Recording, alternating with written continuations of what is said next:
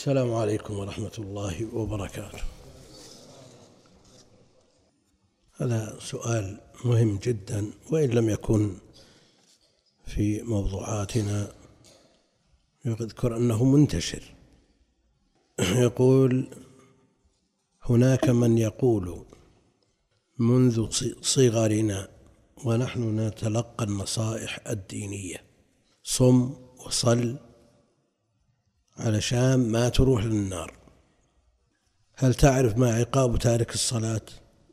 هل تعرف عقاب من يستمع للغناء كلها تخويف فأصبحنا نصلي ونصوم ولا نسمع الغناء خوفا من الله علشان ما نروح للنار. تعلمنا نخاف من الله ولا تعلمنا كيف نحبه. ثم يقول هل تخاف من أمك؟ الجواب لا. لو قلنا يوم القيامة أمك من سوف يحاسبك راح راح يضمن تسعة وتسعين بالمية أنه سوف يدخل الجنة. إذا كان الله عنده تسعة وتسعين رحمة وأمك رحمة واحدة هل سيدخلك ربك النار؟ إذا علاقتنا مع الله لابد أن تكون عن محبة لأن الشخص الذي تخاف منه تهرب منه. لذلك إذا فعلت الغلط أو تركت الخطأ ليس لأن الله سوف يعاقبني لا بل لأني أريد ربي عز وجل أريد أن ربي لا أريد ربي يزعل مني. لذلك فيه أشخاص وصلوا وصلوا لنا الدين بشكل خاطئ ولذلك انتشر الإلحاد. هذا الكلام فيه حق وفيه باطل. كوننا نحب الله جل وعلا هذا أمر مطلوب وهو أحب إلى الإنسان من نفسه. بل رسوله عليه الصلاة والسلام أحب إليه من نفسه. فلا بد من التعبد لله جل وعلا بالمحبة. وهناك أمران لا بد منهما ولا بد من استحضارهما أثناء التعبد. وهو الخوف من الله جل وعلا ورجاء ما عنده. ولذا جاءت النصوص متوازنة في الأبواب الثلاثة. متوازنة في الأبواب الثلاثة. فلا بد أن نتعبد لله جل وعلا بالمحبة وبالخوف والرجاء. وبهذا جاءت النصوص. كون بعض الناس لا يرتدع إلا بالتخويف فقط لأنه مفرط أو لا يرتدع إلا بالرجاء فقط. نقول لا بد من الجمع بينهما. وسبق كلام شيخ الإسلام أن من عبد الله بالحب وحده فهو زنديق. ومن عبده بالخوف وحده فهو حروري من الخوارج. ومن عبده بالرجاء وحده فهو من المرجئة. والطوائف الثلاث إذا أخذت على انفرادها كلها طوائف ضلال وبدع مغلظة. بدع مغلظة. ولا تستقيم حال الإنسان المسلم إلا بالجمع بين الأمور الثلاثة. لا بد من ترغيبه تارة ولا بد من ترهيبه تارة ولا بد من بيان سعة رحمة الله جل وعلا وعموم فضله ولطفه مما يقرب إلى قلب المسلم حب الله جل وعلا. لا بد من الأمور الثلاثة ولذلك تجدون النصوص مشتملة على هذه الأمور الثلاثة. الخوارج لما نزعوا إلى جانب وهو الترهيب والتخويف ونصوص الوعيد. حصل منهم ما حصل. من الشدة والغلظة وتكفير الناس وقتل الناس. بينما الطرف الثاني لما نزعوا إلى الوعد وتجاهلوا ما جاء من الوعيد ما الذي حصل في مجتمعاتهم في القديم والحديث؟ وجد من يقول اصنع ما شئت. لا يضر مع الإيمان ذنب وإيمان أفسق الناس مثل إيمان جبريل. قوا أنفسكم وأهليكم نارا وقودها الناس.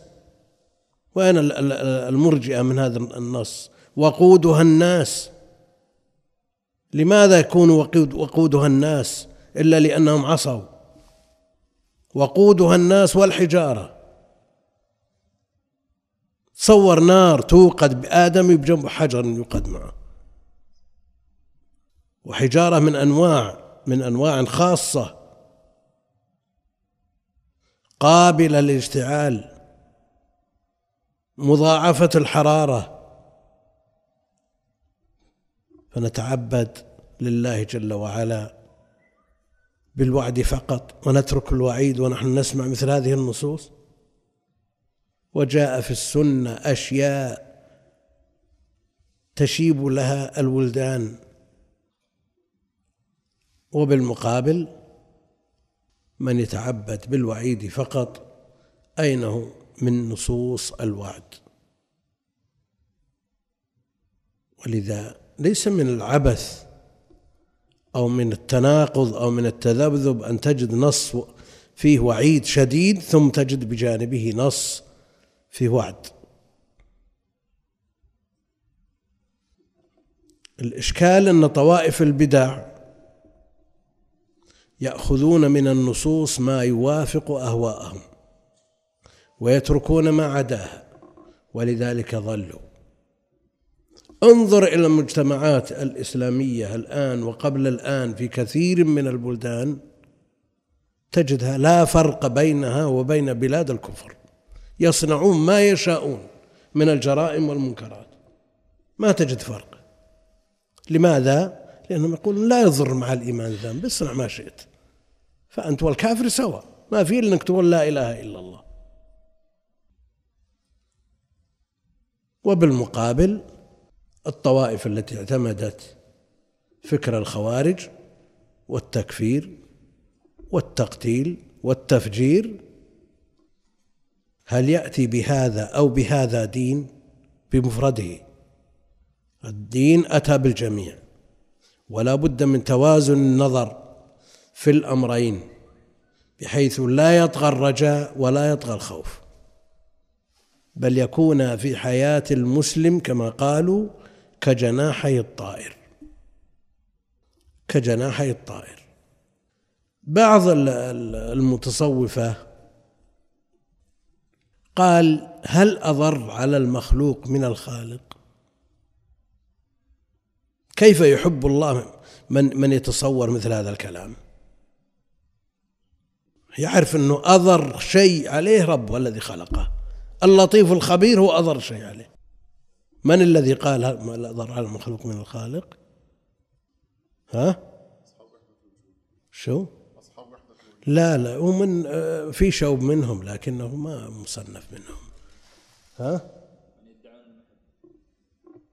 يوم يدعي محبة ويقول لا أضر على المخلوق من الخالق؟ أهل السنة وفقوا لالتزام الطريق الوسط. والمنهج الوسط والأخذ بجميع النصوص والتوفيق بين هذه النصوص ولذلك اعتدلت أفكارهم وأعمالهم وأقوالهم وصاروا على الصراط المستقيم وصاروا هم الأمة الوسط. فأهل السنة وسط بين الطوائف بين الخوارج والمرجئة وبين الروافض والنواصب وبين المشبهة والمعطلة إلى غير ذلك مما قرره شيخ الإسلام رحمه الله في الواسطية. فلا تستقيم حال الإنسان إلا أن ينظر أن يأخذ بجميع ما جاءه عن الله وعن رسوله. وأما من يؤمن ببعض الكتاب ويكفر ببعض هذا لن تستقيم له حال. ولا يكون بينه وبين اليهود والنصارى فرق. حيث يؤمن ببعض الكتاب ويكفر ببعض. الخارجي الذي لا يؤمن بنصوص الوعد هل آمن بما جاءه عن الله؟ آمن ببعض وكفر ببعض. والمرجئ الذي لا يؤمن بنصوص الوعيد ولا يعمل بها ولا يلتزمها كذلك. والسائل إن كان قصده انتقاد لتصرف معين. سمعه من بعض الوعاظ وأنهم يركزون على جانب ويتركون الجانب فله حق. لا بد أن يتوازن الواعظ في موعظته ولا يلزمه التوازن إذا وجد في مجتمع منحاز إلى إحدى الجهتين ليعالج هذا الانحياز. إذا كان منحازا لفكر الخوارج لا يلزم الواعظ والموجه أن يذكر نصوص الوعيد لأن المسألة علاج مثل الطبيب. إذا صارت الحرارة مرتفعة وبيعطيك ما يرفع الحرارة مع ما يخفضها؟ لا. وإذا كانت منخفضة يعطيك اللي يخفض الحرارة؟ وإذا كان السكر مرتفع أو منخفض أو الضغط أو غير ذلك من الأمراض يعالج النقص اللي عندك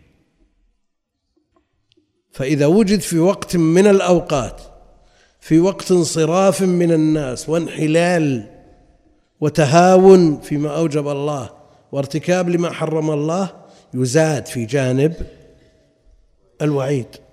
والعكس إذا وجد في مجتمع فيه تطرف ظاهر يزيد في نصوص الوعد وكلها علاج. والأصل التوسط والتوازن. ها؟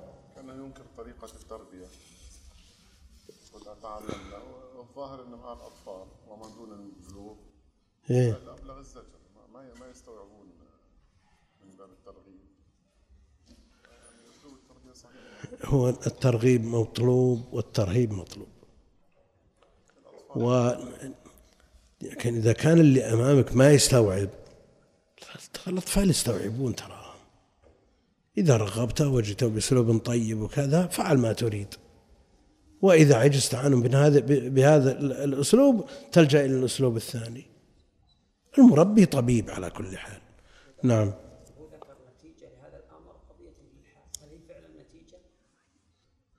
إلا لو لو ركز على جانب الوعيد وترك الوعد وسعة رحمة الله لا قد يقول قائل أنا ما دام هالك هالك خلها أنبسط بهالدنيا. ترى تتصور يوجد عند الناس. يقول صرت هالك هالك. يعني هذا الشخص ذا ما يذكر لنا إلا الهلاك. ها؟ ونقول إذا كان إذا كان سبب الكلام هذا أن بعض الوعاظ يركزون على جانب بحيث يصل إلى التيئيس والقنوط. هذا لا شك أنه حق. و وأنا أشك في كونه موجود يعني وجود ظاهر. قد يوجد من شخص قد يوجد في وقت قد يوجد في بلد. وأحيانا بعض الأوقات تحتمل مثل هذه الأمور وتفيد في الناس. وبعض الأوقات تنفر منها النفوس نفورا شديدا ويخشى من عواقبها. فالمسألة مسألة توازن. وما يلقى قبل ثلاثين أو أربعين سنة قد آه، يقال يعدل شيء ما في وقتنا هذا. والعكس لأنه قد يقال شيء في زماننا هذا ما كان يقال في السابق. لأننا نحتاج إلى شيء من الحزم لانفلات كثير من الناس والمسألة مسألة مثل ما قلت النصوص أدوية. والواعظ والعالم طبيب. يضع يضع هذه الأدوية في المكان المناسب. بالنسبة الان مع وسائل التواصل يتناقل الناس المقاطع والوعظ على ال- الواحد باليوم يمكن عشرات المواعظ 12 مقطع نعم يسمع مواعظ كثيرة مقاطع. طيب فهل يقال هذا خلاف السنة التخول بالموعظه مثلا؟ هو الأصل التخول بالموعظة لكن الآن متى تخولهم؟ في يوم بالأسبوع وبقية الأسبوع كله ضي- ضياع. الناس على فطرة كانوا وكانوا مشغولين بمعايشهم ومشغولين بأمورهم. الآن تفرغ الناس للقيل والقال وما, وما لا يخفى عليك وعلى غيرك؟ والله المستعان. سم. انكم طلبتم القراءة في وشو قواعد ابن رجب حول مسألتين في في مرة في درس الأسبوع الماضي. يعطني المسألة الأولى في قول المصنف رحمه الله ولو كان الحانث عبدا لم يكفر بغير الصوم. ولو حنث وهو عبد فلم يكفر حتى عتق عليه فعليه الصوم ولا يجزيه غيره. هذه المسألة الأولى. إيه هذا في وقت وقت اللزوم. أي نعم. وقت الوجوب. نعم. والمسألة الثانية ومن دخل في الصوم ثم أيسر لم يكن عليه الخروج من الصوم إلى العتق أو الإطعام إلا أن يشاء. نعم. شو الفرق بينهم؟ أي نعم. تحب أن نقرأ قبل الفقه تفضل. أن اقرأ. الحمد لله رب العالمين وصلى الله وسلم على نبينا محمد وعلى آله وصحبه. قال ابن رجب رحمه الله تعالى القاعدة السابعة. من تلبس بعبادة ثم وجد قبل فراغها ما لو كان واجدا له قبل الشروع لكان هو الواجب دون ما تلبس به. هل يلزمه الانتقال إليه أم يمضي ويجزئه؟ قال وها هنا مسائل كثيرة مترددة بين الضربين منها من شرع في صيام كفارة ظهار أو يمين أو غيرهما ثم وجد الرقبة فالمذهب لا يلزمه الانتقال لأن ذلك رخصة فهو كصيام المتمتع. وفيه وجه يلزمه الانتقال لأن الكفارات مشروعة لأن الكفارات مشروعة للردع والزجر وفيها من التغليظ ما ينافي الرخصة المطلقة. ولهذا يلزم شراء الرقبة بثمن في الذمة إذا كان ماله غائبا. ولو لم يجد من يبيعه رقبة بالدين وماله غائب فهل يلزمه انتظاره أو يجوز له العدول إلى الصيام للمشقه أو يفرق بين الظهار وغيره على أوجه معروفة؟ هذه الصورتين ليس إلزام وليس اختيار. القاعدة السادسة عشرة. إذا كان للواجب بدل فتعذر الوصول إلى الأصل حالة الوجوب فهل يتعلق الوجوب بالبدل تعلقا مستقرا بحيث لا يعود إلى الأصل عند وجوده؟ هذه مسألة العبد. إذا لزمته كفارة ليس له أن يكفر إلا بالصيام. فإذا عتق قبل أن يصوم هل ينتقل أو لا؟ قال رحمه الله تعالى للمسألة صور عديدة منها هدي المتعة إذا عدمه ووجب الصيام عليه ثم وجد الهدي قبل الشروع فيه فهل يجب عليه الانتقال أم لا يبني ينبني على أن الاعتبار في الكفارات بحال الوجوب أو بحال الفعل؟ وفيه روايتان فإن قلنا بحال الوجوب صار الصوم أصلا لا بدل وعلى هذا فليجزئه فعل الأصل وهو الهدي المشهور أنه يجزئه لأنه الأصل في الجملة. وإنما سقط رخصه وحكى القاضي في شرح المذهب عن ابن حامد أنه لا يجزئه ومنها كفارة الظهار واليمين ونحوهما والحكم فيهما كهدي المتعة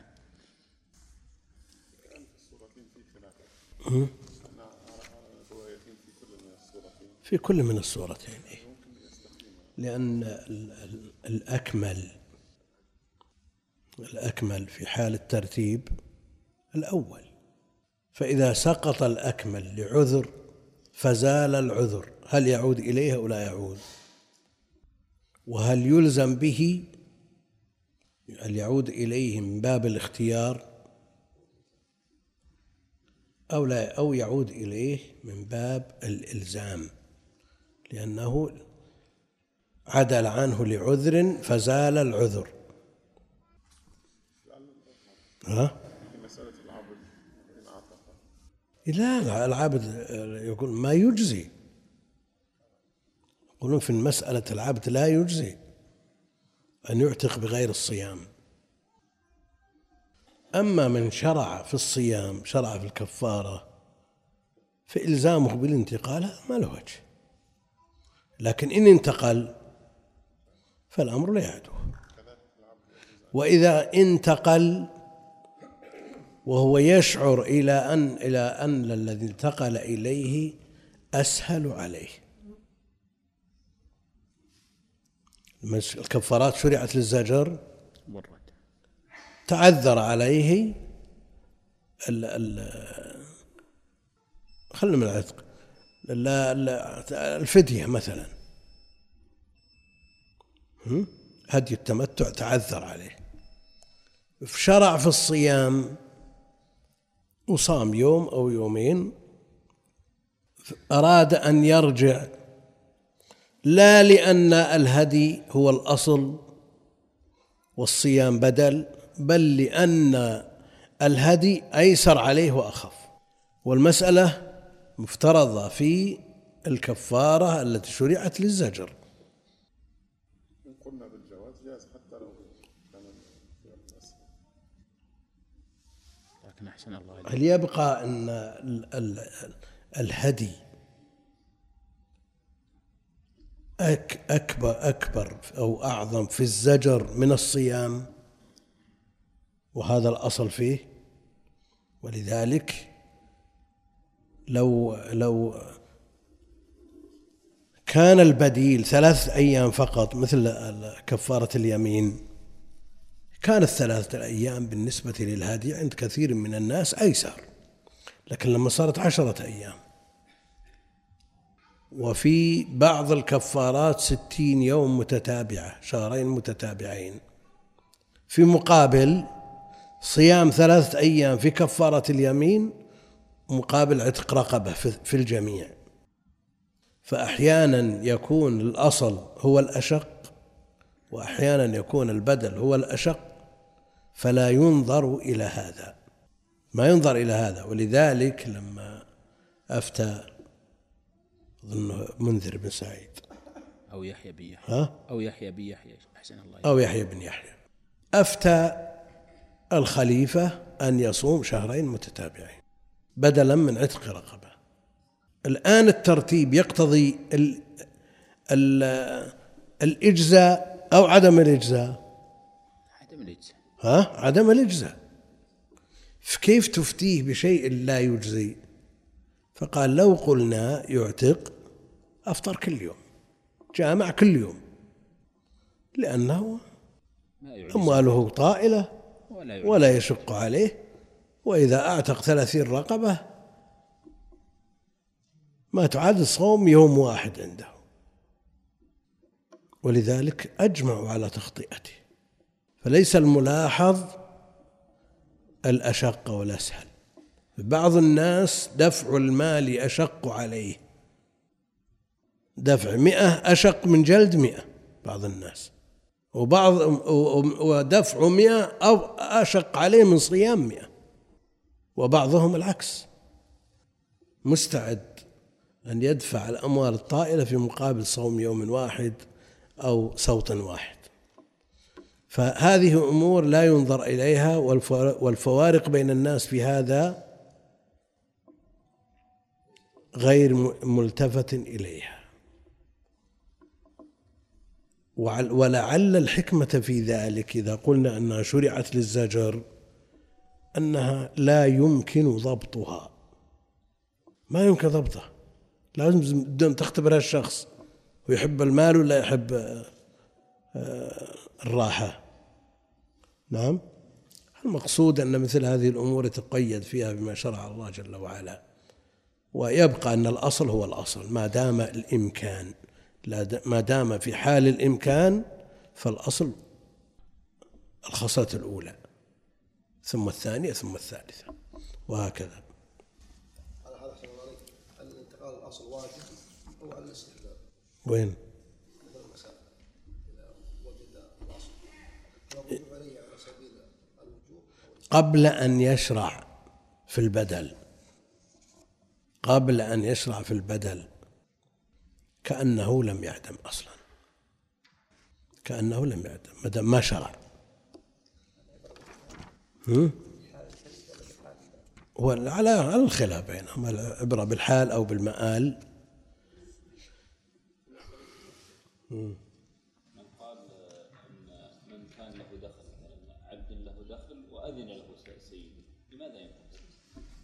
وين ينتقل؟ لماذا ينتقل إلى الصوم أو يوجب بالصوم؟ لأنه لا يملك. لا يملك ما يملك أصلا. لو أذن له ما ملك عند الجمهور خ- خلاف المالكية. لو يملك بالتمليك. أما الجمهور يقول ما يملك. مم. أشار للفرق ما بين العبد والحر وش قال؟ يقول واحتمل أن يفرق بينه وبين الحر من حيث من حيث أن الحر كان يجزئه التكفير بالمال لو تكلفه والعبد لم يكن يجزئه إلا الصيام. على إي لكنه في وقت ال؟ وقت الحال وقت ال وقت العبد ما كان يجزئ إلا شيء واحد. طيب لكن في وقت ال- الفعل وقت الأداء. إذا قلنا العبرة في وقت فهذا. شوف ال- إذا كان للعباده وقت وجوب سبب وجوب ووقت وجوب. عندك بالقواعد في الأوائل في الأوائل. سم. نقرأها يا شيخ. اقرأ.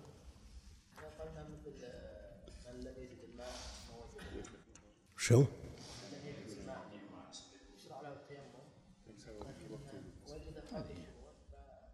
يلزم. بالاتفاق. اللي هو بيجيبك من فروع القاعدة. هي من فروع القاعدة. الرابعة. أي نعم. قال رحمه الله تعالى القاعدة الرابعة العبادات كلها سواء كانت بدنية أو مالية أو مركبة منهما لا يجوز تقديمها على سبب وجوبها. ويجوز تقديمها بعد سبب الوجوب وقبل الوجوب أو قبل شرط الوجوب. من أظهر ال ال الأمثلة الكفارة. لا يجوز إخراجها قبل اليمين. ويجوز بعد الحنث بالاتفاق. وبينهما هو محل تطبيق القاعدة. هم؟ في أصل مسألة نذكرها يقول يتكلم عن بعد الحين يتكلم في وقت الوجوب ولا يتكلم عن الفترة اللي ما بين اليمين وبين لا بس القاعدة تشمل سبب الوجوب ووقت الوجوب وشرط الوجوب وذكرها. نعم. ما يا شيخ؟ في القاعدة هذه أو نقرأ ك- في ها؟ أقول نقرأ في القاعدة ولا نقرأ لا أقرأ أقرأ أقرأ بالكتاب قال الخرقي رحمه الله تعالى باب جامع الأيمان ويرجع في الأيمان إلى النية فإن لم ينو شيئا رجع إلى سبب اليمين وما هيجها ولو حلف أن لا يسكن دارا هو ساكنها خرج من وقته فإن تخلف عن الخروج من وقته حنث. ولو حلف ألا يدخل دارا فحمل فأدخلها ولم يمكنه الامتناع لم يحنث. ولو حلف ألا ي... لم يحنث. ولو حلف ألا يدخل دارا فأدخل يده أو رجله أو رأسه أو شيئا منه حنث. ولو حلف أن يدخل لم يبر حتى يدخل جميعه أما إذا حلف ليدخلن أو ليفعلن أو يفعل شيئا لم يبرأ إلا أن يفعل جميعه والدخول إليها بجملته. ولو حلف ألا يلبس ثوبا هو لابسه نزعه في وقته. ال- ال- اللي قرأته سم. فأدخل يده أو رجله أو رأسه أو شيئا منه حانث. ولو حلف. ولو حلف أن يدخل لم يبر حتى يدخل, حتى يدخل جم- بجميعه. حتى يدخل جميعه. أما إذا حلف ليدخلن أو ليفعلن أو يفعل شيئا لم يبرأ إلا أن يفعل جميعه والدخول إليها. بجملته. موجود عندكم؟ هم؟ النسخة واحدة عندكم أي نعم لا هذا ما هو موجود من وين يا شيخ؟ حتى يدخل جميعه ولو حلف أن لا يلبس ثوبا وهو لابسه عجيب هذا من المتن ولا من الشارح؟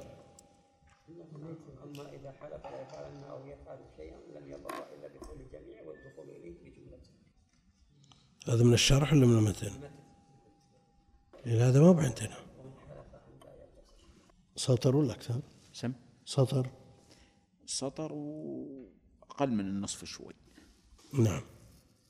ولو حلف لا يلبس ثوبا هو لابسه نزعه في وقته فإن لم يفعل حنث ولو حلف أن لا يأكل طعاما اشتراه زيد فأكل طعاما اشتراه زيد وبكر حنث. وإلا أن يكون أراد أن ينفرد أحدهما بالشراء. و... ألا أن لا ينفرد. سم؟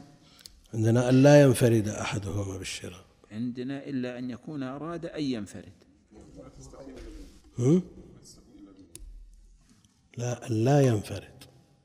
إلا أن يكون أراد أن لا ينفرد أحدهما بالشراء.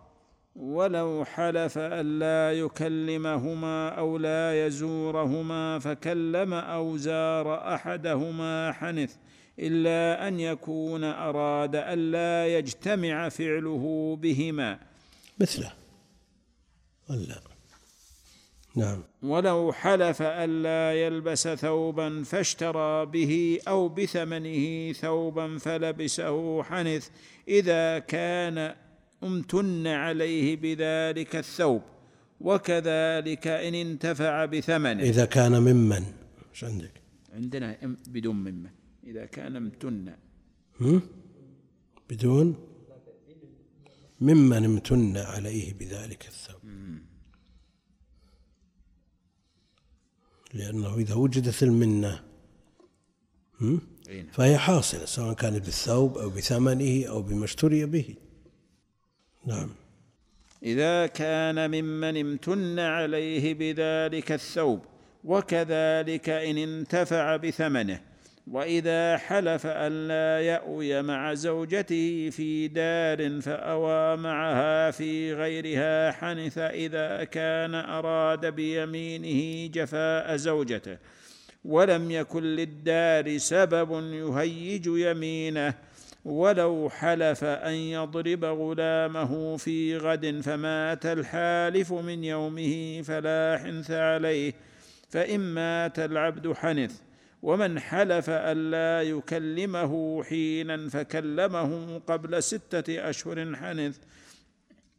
وإذا حلف أن يقضيه حقه في وقت قضاه قبله لم يحنث إذا كان أراد بيمينه ألا يجاوز ذلك الوقت.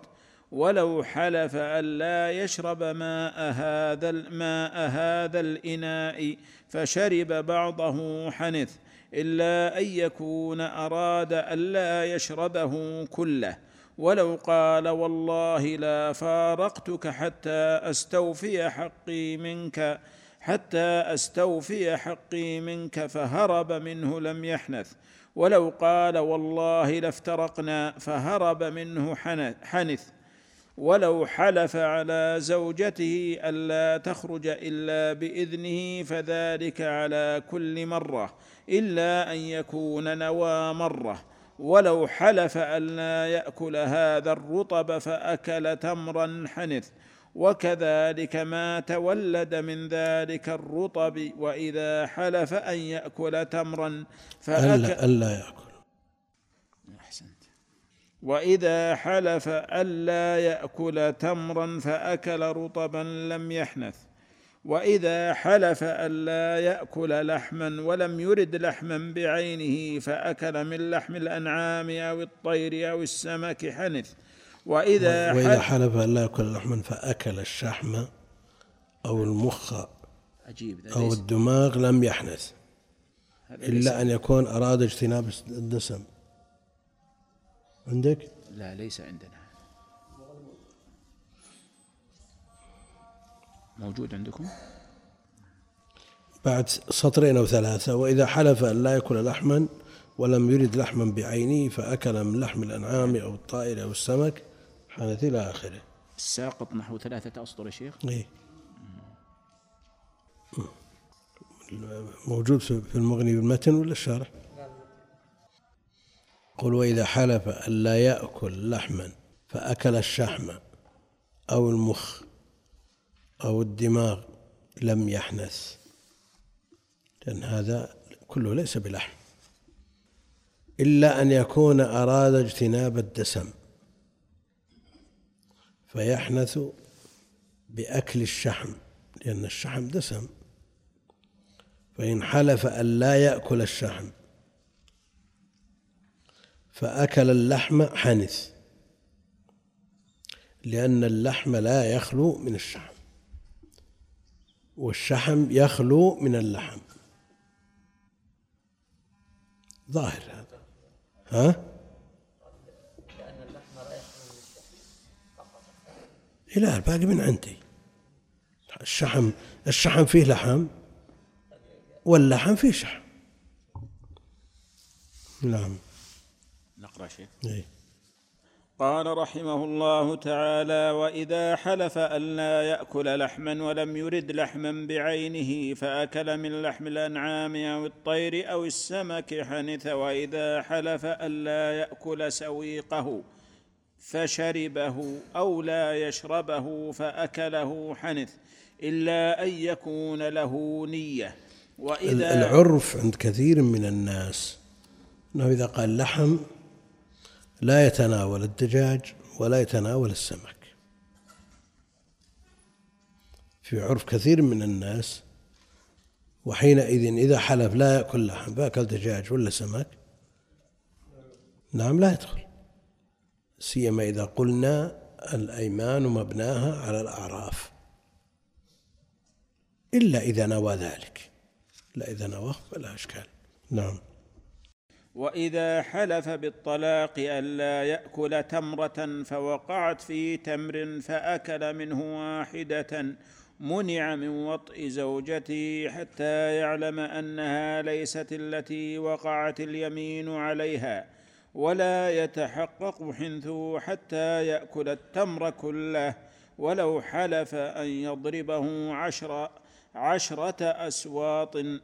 فجمعها وضربه بها ضربة واحدة لم يبر في يمينه ولو حلف الا يكلمه فكتب إليه أو أرسل إليه رسولا حنث إلا أن يكون أراد الا يشافهه والله أعلم. الحمد لله رب العالمين وصلى الله وسلم وبارك على عبده ورسوله نبينا محمد وعلى آله وصحبه أجمعين. أما بعد فيقول المؤلف باب جامع الأيمان. يعني باب جامع لمسائل الأيمان. قال ويرجع في الأيمان إلى النية. يرجع في الأيمان إلى النية. نية الحالف ما لم يكن ظالما. وحينئذ لا تنفعه نيته إذا كان ظالما. وهذه مرت بنا سابقا. فإن لم ينوي شيئا فإن لم ينوي شيئا رجع إلى سبب اليمين وما هيجها أن ينظر الظرف الذي قيلت فيه هذه اليمين وما كان سببا لقولها. ولا شك أن السبب والمهيج للشيء المثير له له مدخل في كشفه وبيانه. ولو حلف ألا يسكن دارا طيب العرف العرف ها؟ نعم واللغة. لأن هل يرجع في ذلك إلى الحقائق المعروفة عند أهل العلم. فإذا حلف لغوي مشهور بلغته واهتمامه باللغة على شيء يتداوله هو وأقرانه وعلماء اللغة يحمل عليه أكثر مما يحمل على ما يتداوله أهله وقومه وعشيرته. يعني العرف العام وعندنا العرف الخاص. يعني العرف الخاص عرف أهل الاصطلاح. عرف أهل الاصطلاح. لو حلف أن لا يقرأ الستة وهو من الفقهاء أو من النحاة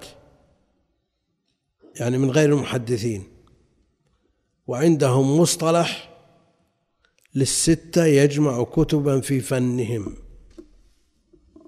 كان نقول المراد الستة البخاري ومسلم وأبو أو أو ستتهم هم الأصل يحمل على عرفهم. على عرفهم الخاص.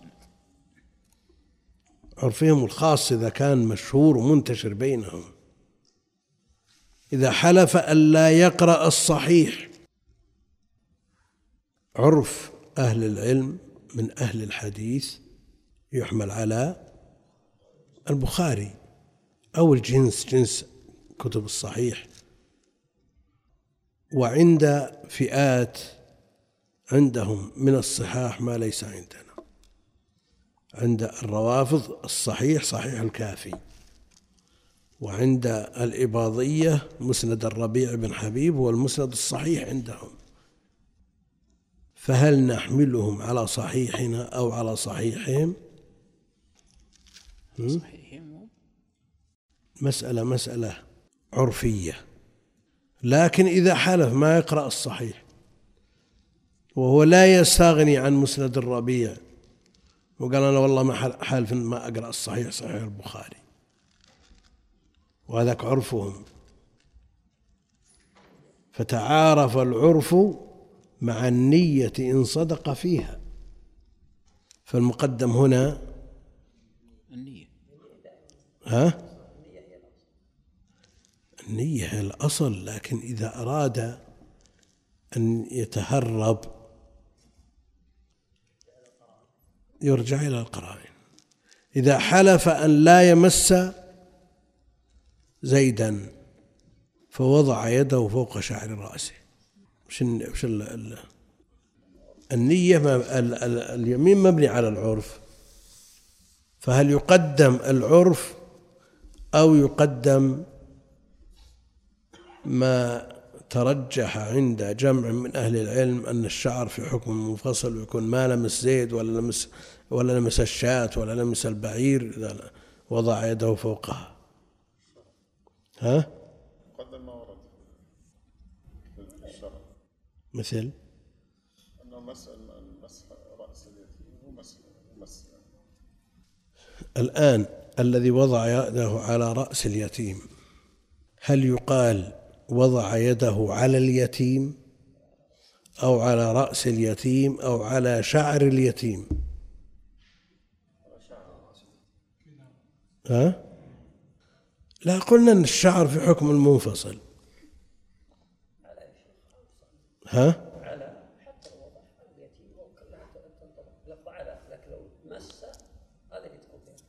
لو لو وضعها ظلة فوق رأسه ما مسه وش يصير؟ ها؟ صح أنه وضع يده على اليتيم؟ بس ها؟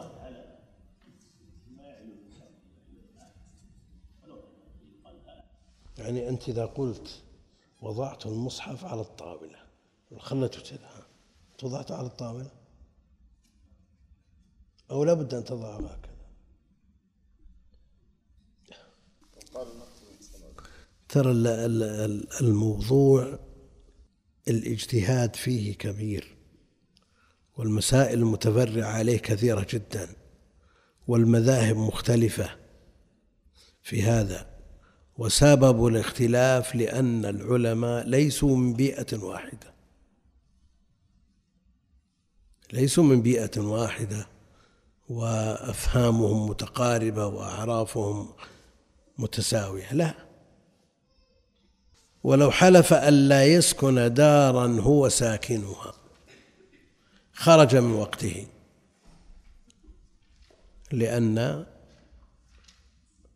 الاستمرار في حكم الابتداء. الاستمرار في حكم الابتداء. خرج من وقته. ولو حلف ألا ينكح فلانة وهي زوجته لكن أحسن الله ها؟ أحسن الله إليك. إذا كان في أسفل الدار فاستطراقه لباقي الدار إلى الخروج. هل يقال هذا من الاستمرار في الدار؟ لا هذا هذا التخلص. مثل ما قالوا في الدار المغصوبة شو بيصير؟ يطير. لا بد أن يستطرقها. وهل يلزم من خروجه منها إذا تاب من غصبها؟ هل يلزمه استئذان صاحبها؟ هذا ما لا يتم الواجب إلا به ولو حلف ألا يسكن دارا هو ساكنها خرج من وقته. ها؟ لا لا لا ينكح فلانة مثلا وهي زوجته. هل يطلق هذا على العقد ولا على الاستمرار؟ إذا ك... ها؟ على الوطء لأنها زوجته. على الوطء وهو في معنى الاستمرار. فإن تخلف عن الخروج من وقته فإنه حينئذ يحنث لأنه سكنها بعد يمينه بعد يمينه إلا ما لا بد منه. يعني جلس آه، وجد ال- ال- المفتاح ضايع مثلا وهو بيطلع. ها؟ نقول يحنث؟ يحنث؟ دور المفتاح مخباته مالك. هو الباب مقفول. لا بد أن يخرج من وقته. لكن هذا ليس باختياره. ليس باختياره. فلا يحنث به. ولو حلف ألا يدخل دارا فحمل. يعني أكره على دخولها وألجئ إلى دخولها. هذا ليس من فعله. ولم يمكنه الامتناع لم يحنث. لم يحنث لأنه لا ليس من فعله نعم. عدم الحلف هل هو لحصول الإكراه أو للتفريق بين الدخول والإدخال؟ يعني ألا- من دخل ألا يقال من أدخل ألا يمكن أن يقال دخل؟ ما هو بحقيقته أنه ولج مع الباب؟ أن لا يدخل يعني بنفسه. يعني باختياره. ها؟ سيدنا لو زال الإكراه هل يلزمه الخروج أو البقاء؟ هذا لا يؤثر لأنه أدخل ولم يدخل. لا لا. هو في حقيقته دخل لم يحنث ولو حلف أن لا يدخل دارا فأدخل يده أو رجله أو رأسه أو شيئا منه حنث. ولو حلف أن لا يدخل دارا فأدخل يده أو رجله أو رأسه أو شيئا منه حنث والعكس. لو حلف أن يخرج من الدار فأخرج يده أو رجله أو رأسه يكفي؟ ما يكفي. ما يكفي لأن خروج الجزء كما هو في شأن المعتكف. إذا أخرج يده أو رأسه شيء من جسمه فإنه لا يؤثر في اعتكافه. لكن لو حلف أن يعتكف فأدخل رأسه. ما يكفي ما يقال دخل. ها؟ وين؟ لكن يصدق عليه أنه اعتكف؟ ها؟ لا الصورة واضحة صورة الاعتكاف اقصد هنا المصلي إيه. جعل جعل دخول اليد أو الرجل شو؟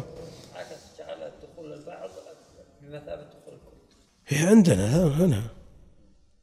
ولو حلف أن لا يدخل دارا فحمل فأدخل فأدخلها. لو ولم يكن امتناع لم يحنث. ولو حلف أن لا يدخل دارا فأدخل يده أو رجله أو رأسه أو شيئا منه حنث.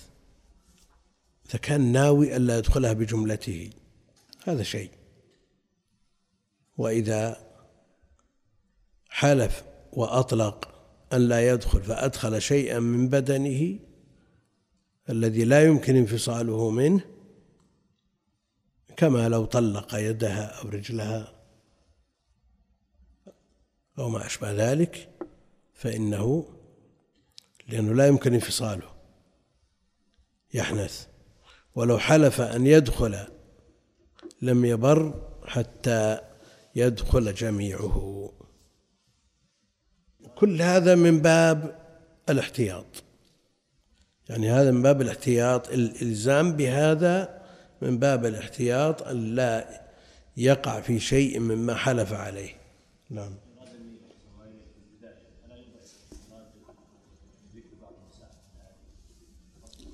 لا هو إذا المسألة فيما إذا لم ينوي شيئا. أما إذا نوى فالمعتمد على النية.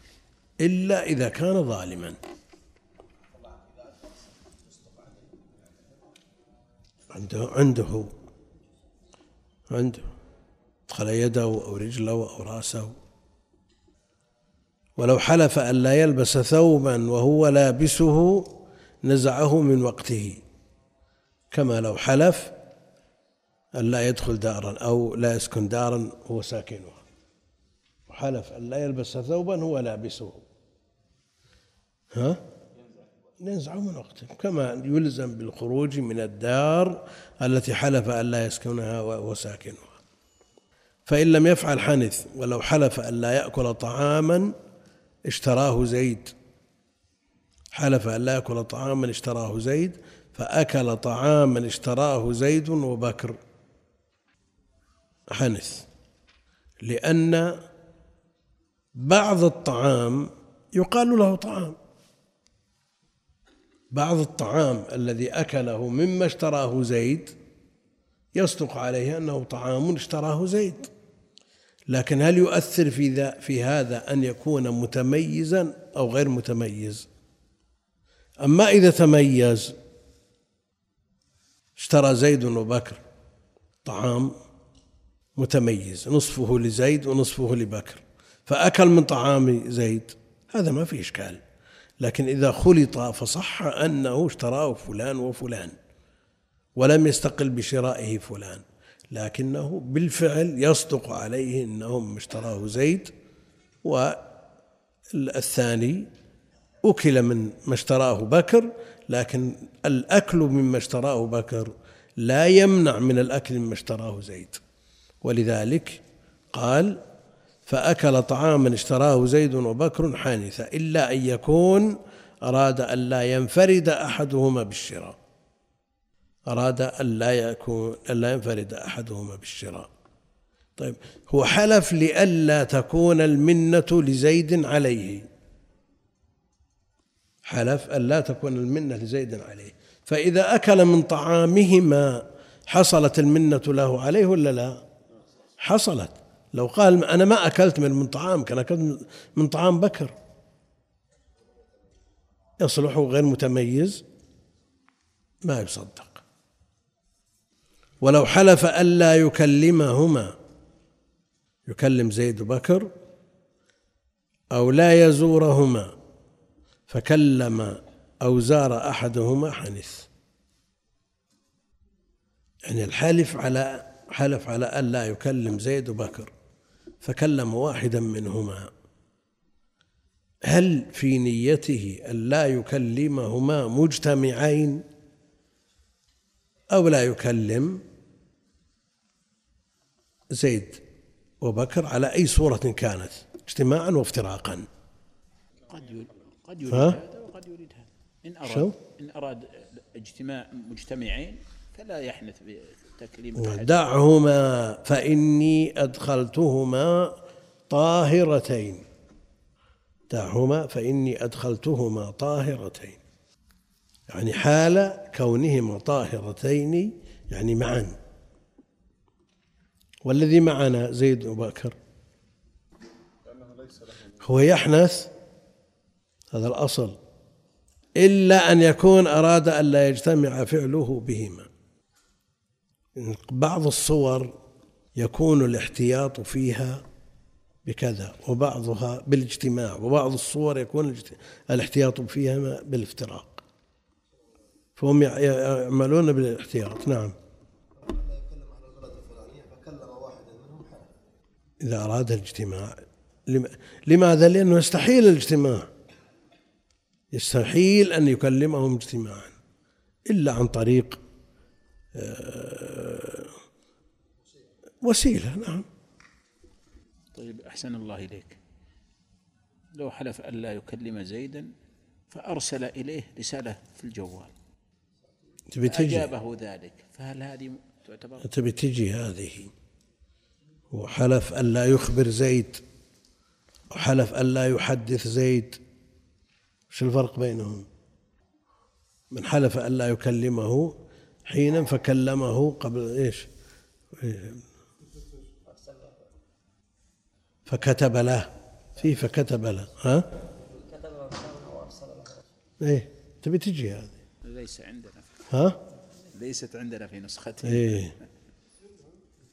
لا يا شيخ.